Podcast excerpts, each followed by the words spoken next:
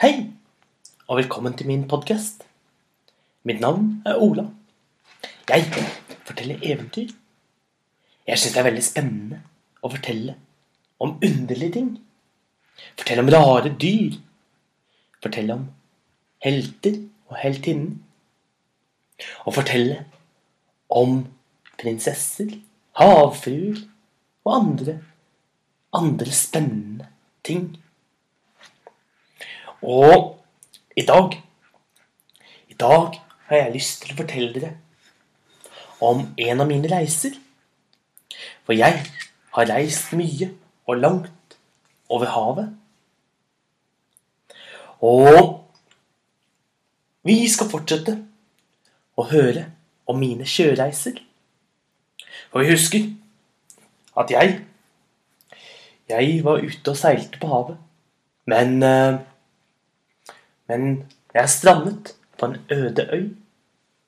Og på den øde øyen, der Der vokser det trær så langt øyet kan se. Og på alle trærne på den ene siden av øyen, der vokser det store banantrær. Men bananene smaker som sjokoladekake. Og jeg har bygget meg et hus. Et eh, hus laget av bananplanter. Og nå har jeg reist rundt for å finne nye ting til å bygge huset mitt, og for å oppdage mer av øyen. Og Og eh, på stranden, der fant jeg en kiste. Men uansett hardt jeg slo mot den, og uansett hvordan jeg prøvde å åpne den, så kunne den ikke åpne seg. Men det siste jeg husker, eller det siste jeg fortalte forrige gang, var at jeg reiste i syv dager innover på øyen. Her vokser det ikke lenger bananplanter.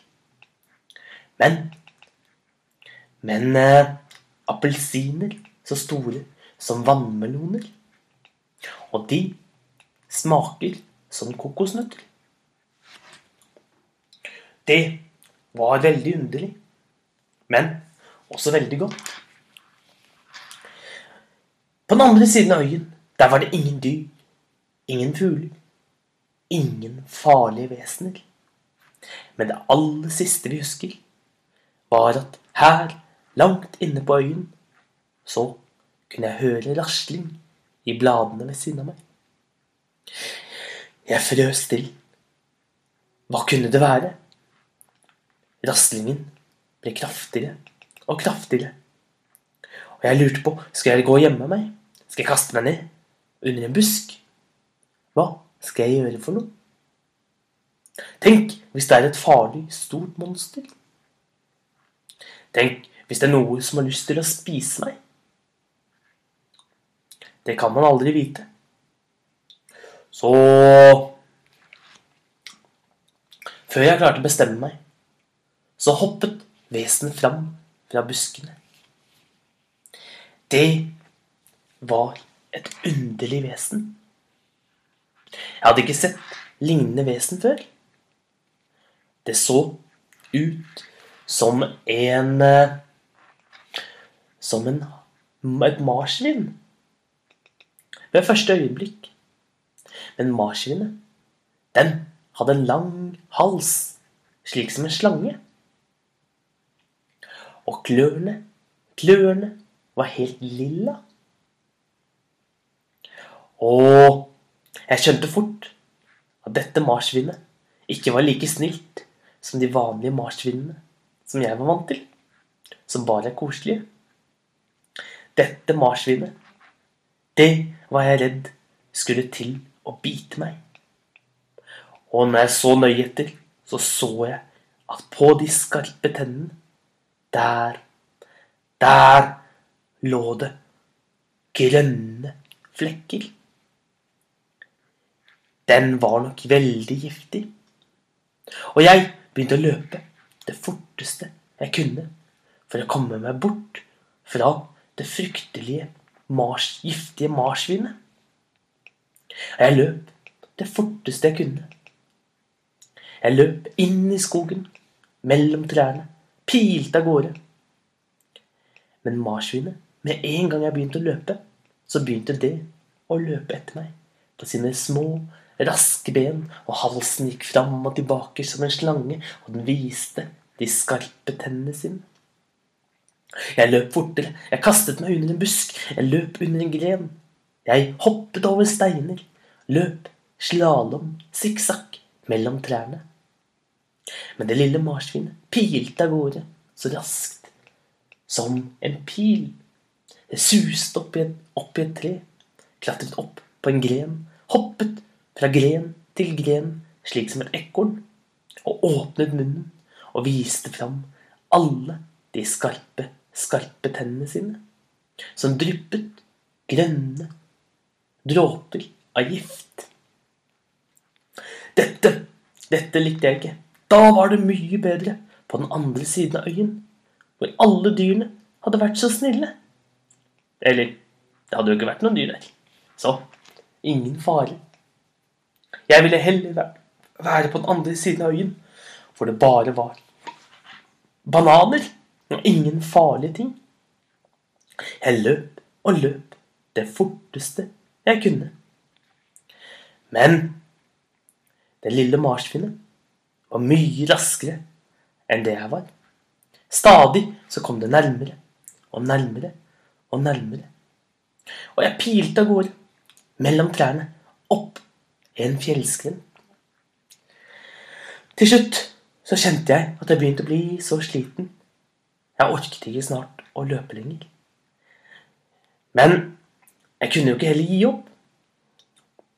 Kanskje, kanskje kunne jeg finne en gren og slåss mot det. Og jeg begynte å tenke hva jeg kunne gjøre.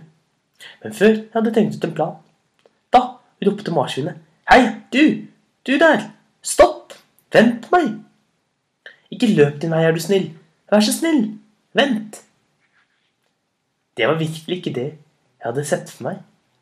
At marsvinet, et slikt giftig marsvin, skulle snakke. Jeg hadde sett for meg at det skulle heller knurre, slik som en blanding av en løve og en slange. Men stemmen var snill. Det var en snill, myk stemme. Og det lille marsvinet sa jeg, jeg, jeg, vet at jeg ser veldig farlig ut. Um, det er ingenting å være redd for. Det, det jeg har i tennene, det, det er ikke gift, altså.